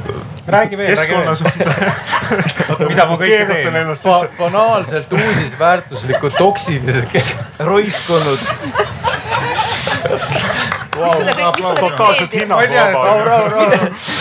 ma tahtsin küsida, et kas sina tunned, et sul on vaja mingisugust nagu noh, duši võtta mentaalses mõttes vahepeal? Või on see müra, müraga tegelemine, ongi see sinu jaoks selline nagu balansi küsimus? Või kas sa üldse tunned, et sa lähed kuidagi sellest balansist välja, sellest, mida sa nagu tarbid? ei noh, muidugi on vaja vahepeal võtta seda duši ja, ja ja seda ma olen nagu teinud ka ja olen püüdnud enda elu alati niimoodi kuidagi sättida, et, et äh, ei peaks, et mul ei oleks nagu kohustust nagu olla kogu aeg, et noh, mingisuguses kindlas ruumis kindlast kellast kellaajani, sest et see tundub nagu kohutavalt nagu ahistav. seal ongi need mingisugused mingid mustrid, mis hakkavad tekkima, mingid inimesed, kes tulevad, hakkavad rääkima sulle, et kuule, eile seda vaatasid või? noh, et, et siis, et kõik see on tegelikult on, see on jube segav, et tegelikult ma olen eh, väga palju sellist üksindust ja seda armastav, et, et saaks nagu keskenduda enda eh, töödele ja ma ei mäleta, kas see oli David Lynch'i eluraamatus, et, ta ütles, et tema naabrimees oli mingi maalikunstnik. Ja siis, eh, ja siis oli niimoodi, et, et, et tal oli naine ja laps ja siis ta ütles naise lapsele, et mul on vaja maalida, sest kui ma maalin, siis ma saan selle pildi valmis, ma saan maha müüa, ma saan, pere saab raha. et äkki saate üksi jätta, siis äh, naine ütles lapsele, et hea küll, pane riidesse, et isa tahab maalida. ja siis äh, läks välja, siis hakkas äh, David Lynch'i naabrimees hakkas siis keskenduma, siis tunni aja pärast tuli naine tagasi, et valmis või? ei, see mul võtab neli tundi aega, et kõigepealt sinna sisse minna no.. et, et mõnes mõttes loomingulise tööga on sama asi, et, et tihtipeale see sissemineku aeg on äh, võib-olla kaks-kolm korda pikem kui, võib-olla isegi veel rohkem kui see aeg, mis kulub selle töö ära tegemiseks. Aga nendest äh, erinevatest viisidest, äh, mida on võimalik kasutada, et oma tähelepanu treenida, me natukene, natukene Jaan nimetas, et mis teie enda strateegiad on enda jaoks nagu noh, et mida te kasutate, et, et luua endale sellist ruumi, kas siis mentaalselt või, või keskkonna mõttes, kus te saate keskenduda, kus te saate tõesti nagu. ma, ma tahaks ühe üles või noh, sihuke lahenduse pakkuda, et siin on nagu ajumehed ju pakuvad siin kogu aeg neid lahendusi, siis ma ütlen ka, et, et. ma ei ole ühtegi lahendust pakkunud, ma pakun nagu mõtlemisainet. minu meelest on kõige, kõige parem, kõige parem asi, mis äh, reaalselt aitab nagu fokusseerida, aitab sind nagu mentaalselt nagu viia täpselt sinna kohta, et, et, et sa teeksid oma asjad ära, on deadline ehk et kõik, ehk et jah, kui ikkagi tuleb töötähtaeg tuleb lähedale, siis on niimoodi, et sul võib ümberringi olla mingi orkester mängida ja lapsed olla kukil ja nii edasi. Aga kui sa oled ikkagi kohusetundlik inimene, siis Deadline aitab sul leida fantastilisi lahendusi ja kõik oma töö ära teha. teistel kõigil see nii ei tööta. see vahel aitab leida ka imelisi vabandusi, kuidas Deadline edasi lükata, see loovus väljendub nii. Äh, minusse puutuvad siis, äh, kui sa küsisid, siis kui ma mõtlen, et klienditöö peale või teraapiatöö peale, siis äh, üks asi on mingi kogum rituaale et äh, noh, kui ma töötasin kliinikus, siis okei okay,, psühholoogid ei ole valgeid kitted, aga see, et sa kuidagi istud sinna, sa isegi kui sul on viisteist minutit kahe inimese vahel, siis tegelikult sul on mingid väiksed asjad, mida sa teed, et sa oled, oled selles kohas ja valmis vaimselt. teine asi on paratamatult see nutiseadmete reguleerimine, et selle ma õppisin üsna kähku ära. et ei, ei isegi veerand või pool tundi enne ma ei aja inimestega ei päriselus, ei chat'is, ei kusagil mingeid intensiivseid vestlusi, sest ma sain selle kogemuse kätte, kuidas ma noh tuleb inimene sisse, ta vajab minu tähelepanu, kogu minu kohalolekut. ja mul on tegelikult omal peas mingi täielik kakofoonia mm.. see, see ei ole aus enda suhtes, see pole kindlasti aus inimeste suhtes, kellele mina pean abiks olema. nii et see nutiseadmete reguleerimine, väljalülitamine või ka koolituste ajal ma olen selle kogemuse kätte saanud, et kui see sunnik seal roheliselt vilgutab, siis mina olen kadunud, et ma pean ta panema kusagile käekotti kaugele ära, käekoti panen ka mm. kaugele. et äh, ma tean, et ma häirun et pigem, pigem ma toimetan need asjad eemale. ja siis ma saan olla kohal ja siis ma saan keskenduda ja panna, panna ka kõik muud teemad kõrvale enda peas mm. -hmm. nii et need on minu nipid või tegelikult päris lihtsad asjad ju. ja ei ole ainult loomingulise tööga, tegelikult need käivad ju kusagil päris sarnaselt, ma kujutan ette, eritöödega, et mm.. Ville, Jaan, kuidas teil, mis teie kasutate? no mul jäi see kõlama, et Robertil oli see oma tehnika, eks ma laiendaks seda või see, kuidas mina aru saan sellest tehnikast, et tegelikult see on ju hirm, hirm valu ees. ehk siis äh, valu tähendab seda, et sa deadline'iks ei tee ja siis keegi on rahulolematu, ülemus või kes iganes kollektiiv kuidagi mõistab sind hukka, sa ei taha seda valu. noh, ülekantus tähendus valu ja, ja sellepärast sa siis suudad fokusseerida oma teadlikkuse ja jõu ja tahtejõu, et seda siis ära teha. ja kui see teil töötab, siis ma soovitan seda, eks see on hirm valu ees ja kui see teil töötab, siis ma soovitan äh, seda rohkem kultiveerida. sest hirm on tõesti üks selline baas, tänapäeva baas, äh, selline emotsioon, mis kõigil inimestel töötab väga hästi. nii et äh, üks parim ka teadlikkuse tehnika muide on see, et ole nats hirmul, natukene karda. ja ma mõtlen just nagu heas mõttes, et tuletage meelde sihukest öist jalutuskäiku looduses. prõks, siin käis krõks, nägite paremini, kuulsite paremini hirmul on suured silmad, eesti keeles on isegi vanasõna, eks ju, et tegelikult te oletegi rohkem kohal, kui te tunnete natuke hirmu. aga loomulikult siin on, ma ei saa päris seda nagu, see on poolnaljaga öeldes, sest osad inimesed lähevad siis selle hirmu kinni ja siis tekivad igast muud kehalised ja muud probleemid. aga kui natukene hirmul olla, deadline, ahah, siin võib midagi juhtuda, siis tegelikult sa oled väga hästi kohal, see on üks sihuke kohaloleku harjutus, nii et kui sul see hirm hästi töötab, siis, siis ära keskendu sellele kannatuse osale, vaid sellele puhtale energiale, mis seal sees on ja mis tegelikult äratab sind. et isegi hommikul võiks ärgata väga kergelt, kui natukene hirmul olla. aga ma ise. ma tõlgiksin selle Ville nagu jutu natukene praktilisemasse keelde, mitte hirm valu ees, vaid hirm jääda rahast ilma, et sa ei tule ära, siis ei saa raha no. aga ise ma hirmu ei, niimoodi ei kultiveeri, et, et ise ma ikkagi mina püüan seda teha mitte keskkonna kaudu, nagu ma juba ütlesin, vaid, vaid kontroll mitte sealpool, vaid siin nahast siinpool. ja nii nagu sa nimetasid, siis seda metamõtlemine, et minu arust see on kõige alus, mina nimetan seda teadlikkuse kasutamiseks, ehk mina lihtsalt sõnastused on erinevad ehk teadlikult jälgin oma mõtteid, sest need tõmbavad kõik maailma, see, mõtted kirjeldavad meil maailma, mõtted ütlevad, mida teha, mida mitte teha. ja inimesed, kes ei suuda seda siis kas metamõtlemist või siis teadlikult oma mõtte, mõtete jälgimist teha, siis äh, tema jaoks on kõik see virvarr ja suur segadus ja, ja nagu budistid väga õigesti ütlevad, et siis ongi kogu maailm illusioon. ehk maailm ongi see, mida mõtted sulle ütlevad, mitte see, mis ta päriselt on ehk, ehk seda metamõtlemist või siis teadlikult mõtete jälgimist ma pean kõige kasulikumaks praktikaks üldse, mida inimesed võiksid harjutada ja meie ajastu inimesed on tegelikult selleks valmis. ehk igaüks teist on seda teinud, aga seda, et kõiki oma mõtteid kuulda äh, ja märgata äh, ja näha, siis see ei ole võib-olla nii lihtne, aga, aga on võimalik minu nipid, aga mis haakuvad sellega, mis Ville ütles ka, mida ma soovitan teile on tegelikult, et jah, et lõpuks te tahate jõuda sinna, et te suudate ise oma mõtlemist kontrollida, täpselt äh, timmida, kuidas te tahate, aga esimene samm selleks siiski, mis on väga lihtne teha, on see, et te kasutate seda keskkonnaabi, et te vähendate drastiliselt seda aega, kui palju te nutiseadmetes olete, kui te olete tööl või teil on vaja, ütleme just oluline asi ära teha, te panete selle nutiseadme ära, et ta ei sega teid te olete kuskil, kus ka kolleegid ei käi teid segamas. see on üks asi. teine nipp, mida, mida kõik alahindavad, on see, et kui te tahate, et te oma aju suudaksite paremini kontrollida, siis magage hästi mm.. sellepärast, et kui te olete vähe maganud, siis just see otsmikusagar ja just see metamõtlemine on need, need, need asjad, mis kõige rohkem kannatavad selle all. Seetõttu, kui te olete väsinud, vähe maganud, siis te lähete kergemini närvi siis teie näpud lähevad kergemini kommi ja nutiseadmete järgi, see on kõikidel inimestel nii. seega, kui on üks asi, mida enda elu, kuidas oma elukvaliteeti ja ka metamõtlemist parandada, magage, vaadake, et te saate paremini magada ja une kontrolliks on, võin soovitada ülihead nutitelefoni äppi ei, tegelikult ka ma olen proovinud seda Pedit so,, naabrid soomlased tegid, soovitan et see, et sa arvad, et sa magad oo seitse pool tundi ja see ongi, nüüd on kõik korras, tegelikult tuleks vaadata, mida sa seal teed tegelikult, mida sa seal teed. muide, saad, lõpevad need vaidlused kallima inimesega ka, et kumb norskab.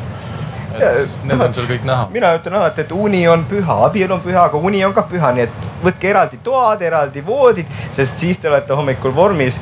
Ja võib-olla viimane väike nipp, mida mina ise praktiseerin, on see, et ma üritan ärgata tund aega enne, kui muu pere ärkab ja siis nagu mõelda, lihtsalt mõelda neid asju, mis on minu jaoks tähtsad, mida ma tahan äh, näiteks ajus mingist asjast aru saada, ma üritan oma mõtte viia just äh, sinna, et ma hommikut kunagi ei alusta nutiseadme või spordiuudiste või millegi taolisega, ma alustan hommikut iseendaga, iseenda tähtsate mõtetega. see vist on selline asi ka, ma hakkan, lihtsalt kuulasin teie juttu, mõtlen, et noh, et, et nutiseade mis kuradi nuti, kust see nagu tuleb, et, et see on tavaline lihtsalt väike, väike arvuti ja siis äkki ongi niimoodi, et sihuke eufemism ja kui me selle nagu jätaks sealt teisest ära et äkki võtamegi ta sellepärast kätte, et meile tundub, et ta on nagu nutikas, see teeb meid ka õudselt targemaks, et äkki ja, see on mingi illusioon, et, et, et, et me, ma võtan selle telefoni kätte või selle, ütleme siis selle väikese mõõdulise kompuutri. et, et siis see mind kuidagi nagu targemaks teeb, et siis, et äkki siin juba toimub nihe, et kui me ei mõtle, et, et see on nagu nutiaparaat et siis, et, et on tavaline lihtsalt nagu noh. me leidsime, lõpuks jõudsime juureni, põhjus on see inimene, kes äh, mõtles välja selle nime. vaata, aga see on nagu tegelikult, see on nagu riiklikul tasandil, et kui me nagu ütleme, me oleme nagu nutiriik, eks ju, see tundub, et see on positiivne kõik. tegelikult me teeme riigieelarvest mingisuguseid äh, arvutiprogramme kogu aeg ja loodame, et, et mõni neist on nii hea, et, et äh, inimesed hakkavad seda kasutama, aga enamus on puhas prügi et noh, et aga kui me ütleme, et see on nuti, siis see on kuidagi õigustab seda, selle kasutamist või selle tegemist või selle investeerimist. ka meie inimestena siis meie aja, enda aja investeerimist sinna. no need, need asjad, kuidas inimesed endale põhjendavad seda, mille pärast Youtube'i scroll ida või midagi, need, me oleme kõik andekad selles osas, et endale leida põhjendusi, miks mitte teha midagi sisulisemat aga ma jagaks teiega kohe vaikuseminutite harjutuse, mille nimi on hetk, kui te olete valmis võtma ühte hetke, et natukene oma tähelepanuga tegeleda. ei ole vaja midagi väga palju teha, kui, kui te korra vaataksite üle oma, oma sellise poosi kui see vähegi võimalik on, mitte siin juuresoleval pildil muidugi nende mugavate patjade peal. aga püüaksite korra ennast sirgu ajada, nii palju kui see võimalik on teile. Ja ja esimese asjana ma, ma palun, et sa korra lihtsalt leiaksid üles oma hingamise kehas sees. ehk siis, et teed nagu teadlikult äh, niimoodi kõhtu, äh, kõhu kaudu mõned sellised sügavamad sisse-välja hingamised. ei pea silmi kinni panema, aga võib, kui see on mugav teie jaoks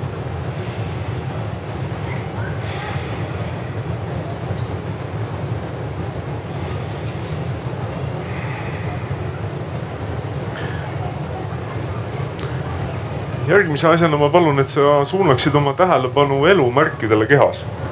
võib-olla on tagumiku all annab pikk istumine tunda võib-olla on sellised külma või sooja istingud, võib-olla on kuskil mingid väikest surinat olemas, et püüa oma kehasse kuidagi saada selline hea kontakt selle keha tunnetusega. võib ka olla natukene lihtsam panna silmad kinni järgmiseks ma palun, et sa leiaksid üles keha toetuspunktid eh, siis kas padja või maaga või kui sa seisad, siis jalad haldades. tunneta seda, kuidas maa kannab ja kuidas keha ilusasti meid püsti hoiab. ja see mõned sammud ongi, ongi viis, kuidas nagu kohalolu kogeda tegelikult. et äh, lastes mõtted olla hetkeks ja keskendudes oma keha tunnetusele. et äh, see on, aitäh teile teie tähelepanu ja harjutusega kaasa, harjutuse kaasategemise eest, et, et, et kui meil on võimalus äh, selliseid tähelepanu meeleharjutusi äh, kasutada, siis me, siis me arendame seda osa oma ajust, mis on seotud nagu sellise nagu tunnetusega. Äh, no seesama kehatunnetus, et äh, kui tehakse selliseid kas kuulmisharjutusi või me tegime väga erinevaid asju, vaatasime hingamist, vaatasime nii-öelda kehataju. et, et kui me õpime ennast saama parema kontakti oma kehaga siis meil tekib selline tore asi, et, et äh, siis me paneme tähele paremini üldse, kuidas meie keha hakkama saab. ja me paneme ka lõpuks paremini tähele seda, kuidas emotsioonid hakkavad tekkima. sellepärast, et stiimuli ja reaktsiooni vahel on tekkinud natukene selline harjutatud ruumi sest et kui me kogu aeg ainult opereerime sellise nagu tuulelipuna, siis meil ei teki seda, et oo, ma praegu hakkan näiteks minema vihaseks või midagi sellist. ja, ja selline nii-öelda keha toetuspunkti eh, saavutamine või selle õppimine on niisugune üks, üks väga lihtne viis. võttis aega, ma arvan, mingi minut. seda võib muidugi pikemini teha ja põhjalikumalt ka, aga kuidas oma tähelepanu ja kehas olemist eh, niimoodi harjutada. aga. Ma, ma soovin, lisaks ühe soovituse, et, et vahetevahel äh, rääkides inimestega, siis jääb paljudel mulje, et, et ükskõik, kas see harjutus, mida tema praegu seletas või mis iganes kuskil mingite harjutustega olete kokku puutunud et, et neid tehakse kuskil nagu spetsiaalses kohas, spetsiaalse asendiga. jah, alguses on tähtis see sirgelt siis istumine edasi. aga tegelikult ma soovitan kõikidele, te olete tegusad inimesed, kõikide üks kõik, mis harjutus või praktika on, selle eesmärk on see, et sa integreerid selle igapäevaellu, mitte see, et sa võtad mingi spets aja, vaid see, et sa teed sedasama, sa suudad sedasama teha siis, kui sa läbi räägid kellegiga või istud seal koosolekul et sa siis suudad tegelikult saada kehaga parema kontakti, siis saada ruumiga parema kontakti, teise rääkijaga parema kontakti. ja oma ajuga. jah, ja oma ajuga parema kontakti, teha seda metamõtlemist või teadlikkuse kasutamise mõtete jälgimist, nagu ma, mina nimetan või tema nimetab, mis on üks ja sama asi tegelikult. ehk, ehk oma igapäevaste tegevuste ajal ja siis on sellest kasu, et ei tekiks sellist nagu barjääri, mida ja sellist eskapismi, et on kuskil on sihuke lahe koht, kus me istume, nii toredad inimesed, istume koos, seal on viirukilõhn ja ja kõik teevad grupiga alli alati lõpus. ja siis tahaks juba kolm korda nädalas seal olla ja siis neli korda nädalas, siis minna retriidile kuhugi nädalaks ajaks välismaale. ja siis minna kuuks ajaks ja siis hakata mm. seda asja õpetama teistele, et olla nende inimestega kogu aeg koos ja saada sealt ka tulu oma pere jaoks. ehk tegelikult nendest tänastest tegevustest nagu eemalduda, et pigem vastupidi, see, mida sa täna teed, ongi meie elu ja need asjad, kui sa avastad midagi, siis integreeridus sinna, jõuda sinna, et sa suudad seda teha selle kõige raskema läbirääkimise ajal. jälgida näiteks oma mõtteid, teha metamõtlemist. sel ajal, kui sa tunned, kuidas sul emotsioon tõuseb, kuidas see mõtlemine tahaks juba talle sisse sõita, aga sa saad aru, et see ei ole ratsionaalselt eesmärgipõhine ja sa suudad seda nagu tagasi hoida ja kontrollida. vot see on see, kuhu mina soovitan nagu, kuhu nii-öelda see finiš panna, et, et, et sinnapoole püüelda mm ma, ma, ma pean väga avaldama seda rahulolu selle mõttega, mis sul oli, et ma olen hästi palju kohanud põnevaid, toredaid paare kes käivad väga vahvatel retriitidel, kus olla väga teadlikud, kus nad ongi väga teadlikud nädal aega ja siis nad satuvad oma igapäevaellu koos kõigi stressoritega. ja siis nad on nii hädas ja siis nad mõtlevad, mida nad on teinud valesti, nad on nii palju raha ja aega panustanud. no meie kõigi tutvusringkonnas on mõni inimene, kes on tegelikult läinud justkui nii-öelda vaimsele teele ja siis tegelikult pärast seda ei saa oma tavaeluga enam hakkama. kõik me tunneme mõnda sellist, et see on see klassika näide sellest, kus tekib see illusioon, et seal on midagi nii hea ja siis tekib sihuke, et kõik muu on halb halb, teised inimesed on halvad ja nii edasi. et see on see keskne, kuidas see igapäevaellu tuua, kõik see kasulik, mis seal, see ja. tähelepanu, see vaikus, mis iganes müraga toimetulek, et see on see kriitiline koht meie aeg hakkab vaikselt otsa saama, ma tõmbaksin selle ühe sellise, ühe teemaga veel nagu prooviksin otsad kokku tõmmata ja see on kultuur et me oleme siin rääkinud, kuidas leida vaikust ja siis eh, jaganud isiklikke kogemusi ja rääkinud sellest, kas ta võiks olla sihukene ohukoht või mitte eh, selle jaoks, et kas lastele midagi anda, aga üks asi, mida me, ma arvan, kõik saame teha, on, on tegelikult teha mingisuguseid kokkuleppeid eh, seoses sellega, et kuidas me siis neid, kuidas me siis neid nutiseadmeid kasutame oma elus, oma, oma töökohal, oma perekonnas, oma, oma kogukonnas, mis iganes. et teie te, teie mõtteid, et, et minu meelest need asjad ei ole ju, noh, kas kellelgi on äh, teie töökohast näiteks äh, kogemusi selle kohta, et on kokku lepitud, millal on õige kasutada telefoni, millal mitte, on kellelgi sellist? oh üks lasteaiaõpetaja ütles, et on, on keelatud töö all nutiseadmete kasutamine. kas on veel mingisuguseid selliseid poliitikaid töökeskkonnas äh, kellelgi pakkuda või jagada?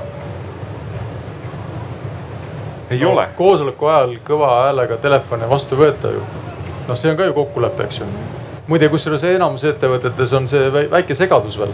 et noh, et kui te olete seal, leppige kokku omavahel, see on kõigile kasulik et ja siis noh, mida mina olen palju näinud, on see, et, et algul on see läpakas kinni ees, siis justkui mingi küsimuse lisainfo vaatamiseks. see on jumala põhjendatud, läheb lahti, aga jääb lahti. ja siis mingi hetk, eks ju, näiteks siin Jaan räägib, on ju, ja siis ühel hetkel ma nagu ja, ja ma kuulasin. nagu kehakeel on nagu tema suunas, aga tegelikult teeb siin hoopis mingit muud asja. see on see suur illusioon, mis ja. on inimestel ja ka tippfirmades, tippjuhtidel on see suur illusioon, et ma suudan kahte asja korraga teha, et ma ju kuulen teda, mis ta räägib, ma ju kuulen. aga mul nagu oli te... kunagi Delfis oli hea, hea juhtum, tuli suur investor Poolast. Ma ei saa firmat nimetada, suure firma Euroopa esindaja siis äh, tuli ja siis äh, esiteks seal tegi seal telefoniga midagi, ei kuulanud üldse, mina tegin talle presentatsiooni, müüsin, müüsin, müüsin, müüsin onju. vaatan.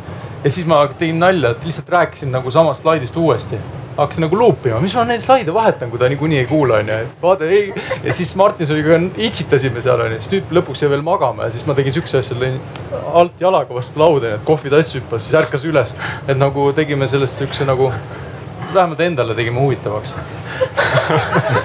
ja hea rääkida ka, eks, aga mis teie siit võiksite kaasa võtta, on see, et tegelikult, kui me neid asju katseliselt uurime, siis me alati näeme ühte ja sama, et kui te teete kahte asja korraga, siis teie see sooritus langeb.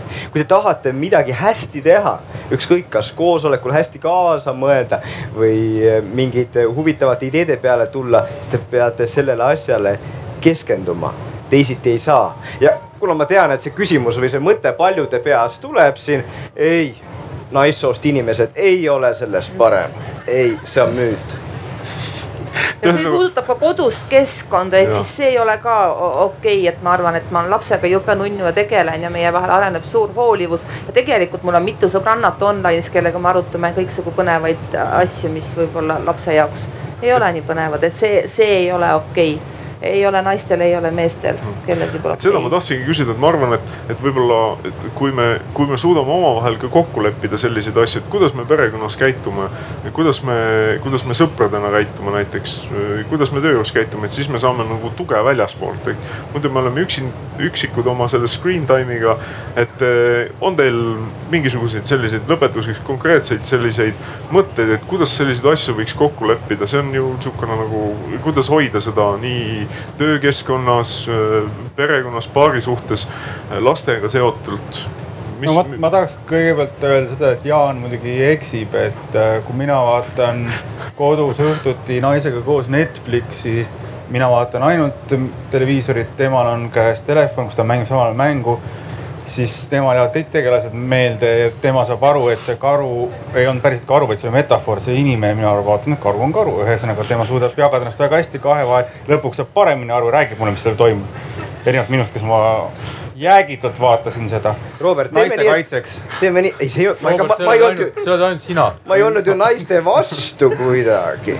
ei ja... no ma pean temaga täna koju sõitma siitsamast, nii et. ah selge, selge, ei se, sellega ma mõistan, mul on ka ju abikaasa, nii et selle, seda ma mõistan aga ühesõnaga mingisuguseid kokkuleppeid, kas te ise olete neid selliseid suutnud kehtestada kuskil, mida te suut- nagu mida te võiksite teistele soovitada, et, et te lepiks nagu kuidagi kogukonnana kokku mingid paremad viisid? tõsinedes ütlen niimoodi, et, et meil ei ole kodus näiteks või noh, ka töö, tööl ega kodus või noh, ei ole mitte ühtegi sellist kokkulepet, et pigem ongi selline, et see on täiesti vaba ja, ja, ja siis ongi nagu see, et, et kuna kogu see ähm, pidev siis ekraanis olemine on ikkagi inimkonna ajalugu vaadates niivõrd uus asi, siis pigem siis vaatamegi, et mis siis meie perekonnas saab ja et, et, et. see on hea katse, hea kas, katse. kas kasvavad, kasvavad mingisugused teistsugused pöidlad lõpuks meie lastelastel või nagu mitte, et, et et me oleme selline katseperekond siis, et Jaan saab meie juurde tagasi tulla, vaadata, et millised meie laste otsmikusagarad on nagu.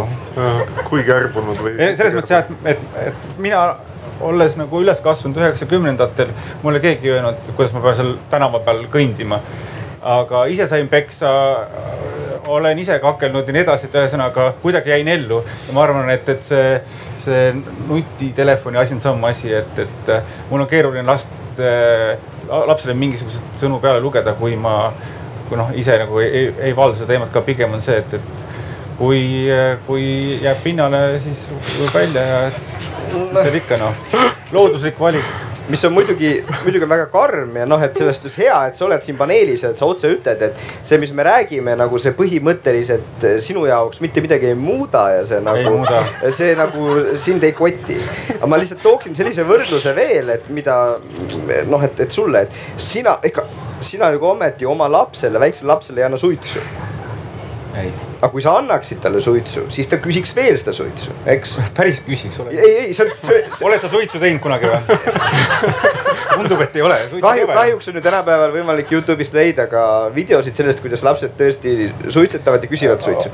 ja mõte on selles, et kas nutiseadmed on sarnasemad televiisorile või on nad sarnasemad suitsule? Mina ei ole kindel, et see on, et nad on mina väidan, et nad on Ja. sarnasemad televiisorile. ja, ja, aga ma lihtsalt ütlen, et, et see mõte jällegi lihtsalt panna siia kõlama, et võib-olla nad on sarnasemad suitsule, et me kõik, ka sina, mõtled, et see on normaalne, et me ei anna väiksele lapsele suitsu. Aga võib-olla peaksime samamoodi mõtlema, et me ei anna väiksele lapsele nutiseadet kätte. Jaan on tüüpiline siukene teade, aga me ei tea veel praegu, et äh, nagu tšekkige Novaatori paneelist äh, või no, no, Novaatori sellest äh, digi äh,, digilehest nagu järgmise viie aasta jooksul uudiseid Jaan Aru poolt, et ta kohe-kohe ütleb. Ja, mis siis, mina Jaan- ikkagi tahan teada, kas siis nagu on Ja, vaja piirata või ei ole vaja piirata. et minu meelest see läheb väga-väga ühtlusel, siin ei olegi piiramist, siin ei olegi nüüd laste kontrollimist sõnade peallugemiseks, et tegelikult teema on ju kokkulepped. et kas me peres või oma organisatsioonis, aga ma jään pereterapeudina pere juurde või paari kas me räägime esiteks ausalt selles, et mis meil seal toimub, sest üks asi on tõesti see, mida paraku näeb tihti. lapsevanem pöördub spetsialisti poole, tehke laps korda, ta on liiga palju nutiseadmes, koolis läheb kehvasti. ja siis hakkab äh, teema tulema, mis vanemad ise teevad noh, vahel nad räägivad, et ma teen kogu aeg tööd ha,, ha-ha-ha. et äh, räägiks oma lastega, oma partneriga ausalt, mis asja me seal teeme esmalt olles ise ausalt endale otsa vaadanud, muuhulgas ka see, et äh, kas mul ikka tuleb see mitme asja korraga tegemine tõesti nii vaimustavalt välja, ei tule. räägime ausalt läbi ja tegelikult igal pool soovitakse, seda nimetatakse peene sõnaga peremeediaplaan või meediakasutusplaan see ei ole see, et äh, üheaastane laps ja, ja viiekümne aastane vanaisa või isa või kes iganes peavad täpselt sama palju olema nutiseadmes ja nii edasi, igalühel oma aga hästi ausalt ja ka rääkida, mida seal tehakse, sest siin jääb ka kõlama see, et nutiseade, nutiseade. noh, seesama noa paralleel, et milleks me seda kasutame. meie peres oli näiteks eelmisel aastal lapsel kohustus olla viis kuni seitse tundi nädalas ja nutiseadmes, vaid tegeleda seal asjaga, mis nõudis väga tõsist keskendumist ja, ja me pidime seda meelde tuletama, et sorry, tunniga sa ei tee neid asju ära, üheteistaastane laps. Aga enne oli sul ju küsimus selle kohta, et mis meie teeme, ma saan aru nii, et äh, ja ma rääkisingi, et mida meie teeme, et kodus. jah, et see on äh, läbirääkimised, mida me seal teeme, kes mida teeb ja siis kokku leppida kuidas, kui palju ja nii edasi, aga esmalt hästi aus olla, kui me hakkame lihtsalt moraali lugema, siis see on nagu täiesti mõttetu. no kui Robert ütles, et tal ei ole mingeid reegleid, siis mina, ma pigem olen Jaaniga ühes parteis, et, et äh, ikkagi mul on ka siis ikkagi väike see nagu hirm, positiivne. Aga äh, ma ikkagi arvan, et äh, jätame selle suitsu kõrvale, narkootikum on parem näide, noh, et sa ei anna lapsele morfiini, kuigi ma arvan, et äh, ta küsiks veel, kui ta, kui ta niimoodi lahjendatult seda saaks ja, ja ma ikkagi piiran ja meil on siuksed, lastega on lihtne teha lepinguid, et äh, täitsa noh, olete Gordoni koolis vist esimest korda ma kunagi kuulsin seda ja olen proovinud, tõesti töötab. et sa istud äh, laua taga, arutad teema läbi, see on neil täitsa huvitav ja kirjutadki lepingu ja kirjutategi allkirjad alla.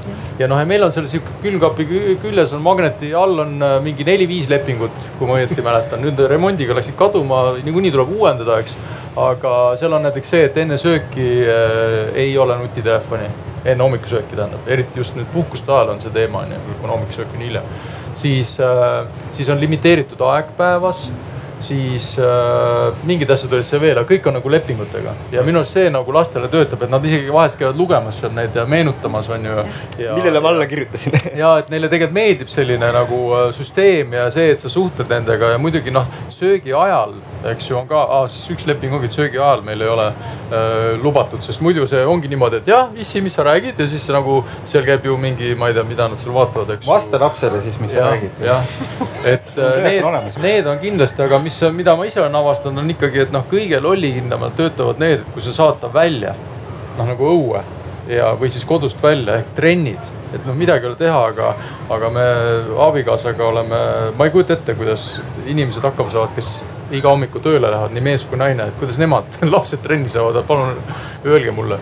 aga no me oleme vahest tundunud, et me oleme nagu taksojuhid on ju jumal tänatud selle Taxify või, või Bolti eest, et nüüd on nagu lihtsam, aga, aga vii-, noh, ongi trennid, iga laps käib kolmes-neljas trennis ja noh, kui vähegi võimalik, ei limiteeri seda üldse. ainuke reegel on see, et kuus kuud peab siis sellest käima, mida ta otsustab, et mitte nii, et iga nädal vahetavad, vaid kuueks kuuks saab sinna siis käima ja, ja, ja see hoiab neid nagu, et kui mingi huvi mujal maailmas ka, et selle, see on sihuke lihtne viis. sa tahad last välja saada, siis sa paned ta autosse või taksosse. Bolti.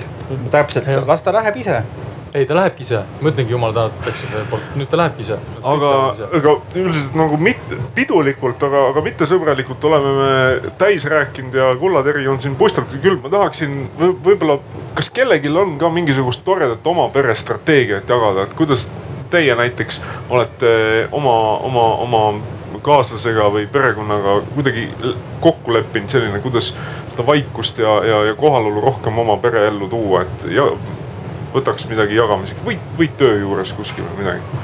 keegi tahab öelda midagi põhjavanemat? inimesed vaatavad sellise hirmunud nägudega. üks tuli, väga hea, aitäh sulle. Et enne oli juttu sellest äh, töö juures ja kollektiivi reeglitest, et meil tegelikult oli väga vahvasti, et äh, meil on osakond kuskil äh, neliteist inimest on seal ja mida me tegime, ehk siis, et telefoni koosoleku ajal laualt laua pealt ära ja siis üks vanem kolleeg küsis, et aga et kas see joonistamine on okei okay?, et nagu ma tunnen, et see inimene ei kuula mind, sest et ta joonistab kogu aeg mm.. ja sealt tuli väga huvitav diskussioon sellele mm. -hmm. väga kena ja kuidas see lahenes siis, kas joonistamine on okei okay või mitte? Sa rääkima pean, ahah, okei okay. ehk siis, et äh, kuidas see lahenes, oli see, et me igaüks avaldasime arvamust selle osas. et oli neid, kes joonistasid ja jagasid oma arvamust ja seda, miks nad seda teevad ja kuidas see nende jaoks siis tähendab ja siis olid inimesed, kes jagasid seda, et keda see häirib, ehk siis tegelikult äh, mingit lahendust sellele otseselt ei tulnud, vaid pigem teineteise mõistmine. kokkulepe tekkis. joonistamine on väga okei okay., ma ka joonistan, mul üks ühes firmas, äh, kus ma nõukogus olen, siis äh, üks peainsener korjab mu joonistusi, tal on kindel veendumus, et seal on mingi süsteem peidus aga sa trikitad teda? kas on veel keegi, kes tahab oma häid praktikaid jagada, siis me tõmbaksime oma ametliku osaga kokku siin. Väga hea, siis kui ei ole ühtegi inimest, kes tahab jagada, siis te saate minna ja välja mõelda selle süsteemi, need kokkulepped enda jaoks, et eh, olla rohkem iseenda jaoks kohal, oma, oma kaaslaste jaoks kohal ja, neid eh, toredaid nutiseadmeid, mis meie elu aitavad, siis pigem kasutada niimoodi, et teie oleksite roolis aitäh, aitäh kõigile ja eriti neile, kes seal seisid terve selle aja. suur aitäh teile, et te seisite ja, ja kuulsite. aitäh